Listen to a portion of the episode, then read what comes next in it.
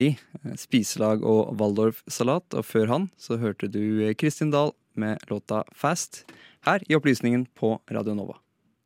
Og så bruker han jo da også i forlengelsen av det dette ordet terrorist. ikke sant? På sett og vis er jo det USAs store gave til verdens eh, autoritære Finne et litt mer, litt mer nyansert språk der. De arabiske statene prøver å føre en sånn politikk hvor de kan støtte palestinerne i retorikk, men i praksis holde seg egentlig unna konflikten. Radio Novas samfunns- og aktualitetsmagasin Opplysningen gir deg historiene, sakene og debattene andre overser. Aldri redd, alltid balansert. Det skjer veldig mye rundt i verden, og redaksjonen i Opplysningen klarer ikke alltid å henge med på alle push-varslene. Vi har derfor valgt ut fem saker som du skal få høre mer om på ca. fem minutter. Vi starter i Storbritannia, der pengesekken har fått bein å løpe på. I call the Chancellor of the Exchequer to make his budget statement.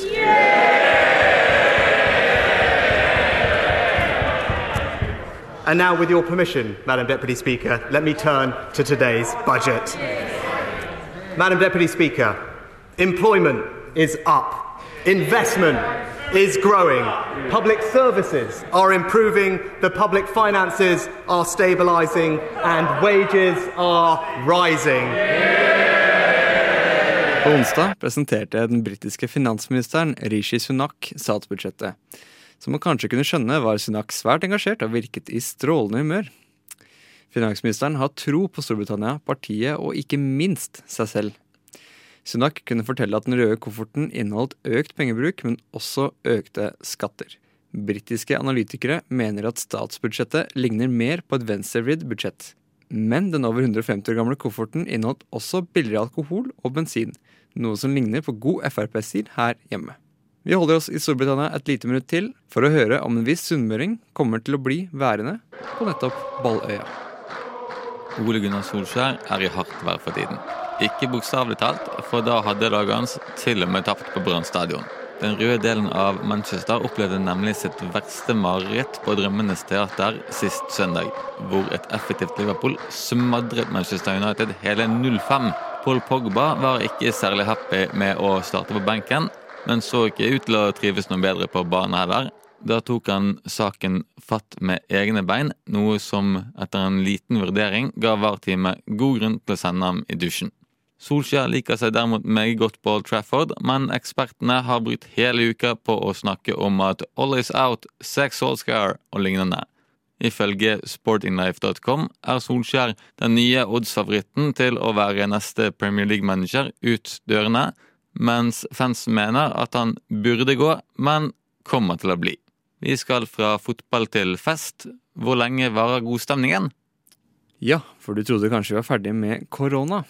Du har kanskje til og med glemt hele nedstengingen allerede.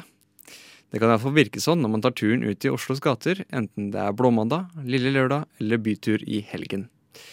En solfylt septemberdag gikk Norge av hengslene med sambastemning som på Copacabana. Sist noe lignende skjedde, var nok da Norge slo Brasil i VM i Marseille. I starten av denne uken fikk vi derimot høre dårlig nytt. Noen tilsynelatende radikale forskere mente at Norge burde stenge ned på nytt. De fleste tenkte nok at dette var et uh, forbigående mediestunt fra oppmerksomhetskåte kontorrotter. Men senere i uken kom helseministeren med en pressemelding om at nye lokale og nasjonale tiltak kan bli nødvendig på ny. Nordpå har Tromsø gjeninnført énmetersregelen, noe som kanskje ikke er så stress, i og med at Tromsø ligger 1148 km fra Oslo, det er ikke bare blant oss vanlige folk det har vært god stemning om dagen, for politikerne kan også holde en munter tone en gang iblant. Denne uken var det første runde av Stortingets spørretime etter regjeringsskiftet. Spørretimen er av mange ansett som Stortingets talerstol til folket, fordi den ofte preges av en folkelig tone. Men spørretimen er aller mest kjent for politiske gullkorn fra våre folkevalgte som da Lars Bonheim i 2004 svarte om den daværende eggkrisen på denne måten. Kunne kanskje ha svart president at hver mann burde ha sin høne, så hadde dette vært løst. Jonas Gahr Støre har vært i mange spørretimer. Men det finnes en første gang for han også, og kanskje var rollen som statsminister litt uvant. Vi kan kanskje spørre han eller har han allerede spurt Erna? Eh, det er en stabilitet og langsiktighet og enstemmighet i dette hus som jeg syns statsministeren skal være forsiktig med Nei, unnskyld, representanten skal være forsiktig med å ja. jeg, visste, jeg visste den måtte komme på et eller annet tidspunkt. Jeg syns representanten fra Hordaland, Erna Solberg, skal være varsom. Det var godt Støre fikk orden i sysakene. Nei, sorry. Rollene i Stortinget er jo litt tidlig å gi seg fra rollen som statsminister etter bare én måned. Vi lar gjerne Stortinget gjøre sin greie, men det er ikke alle kommunehus vi har et like godt forhold til. Men eh, Daniel, hva tenker du hvis jeg sier ordet kommune? Da tenker jeg kaffedrikkere, papirflyttere og byråkrater. Ja, det høres for så vidt ut som en beskrivelse noen av nyinnflytterne i Bodø kan skrive under på. Denne uken kunne nemlig NRK melde at Bodø kommune har kommet med et krav til en rekke innflyttere på Bremnes i Bodø om at de må sikre den humpete veien som leder til husene deres, som appåtil ikke engang har autovern.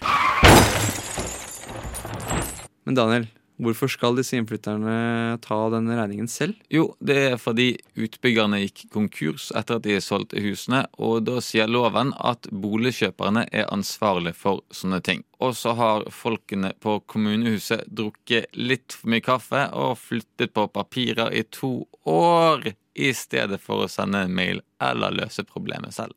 Så et lite tips til Bodø kommune. Sett fra dere kaffekoppen og løs saken. Ellers blir dere kanskje topplistet der ingen skulle tro at noen kunne bo.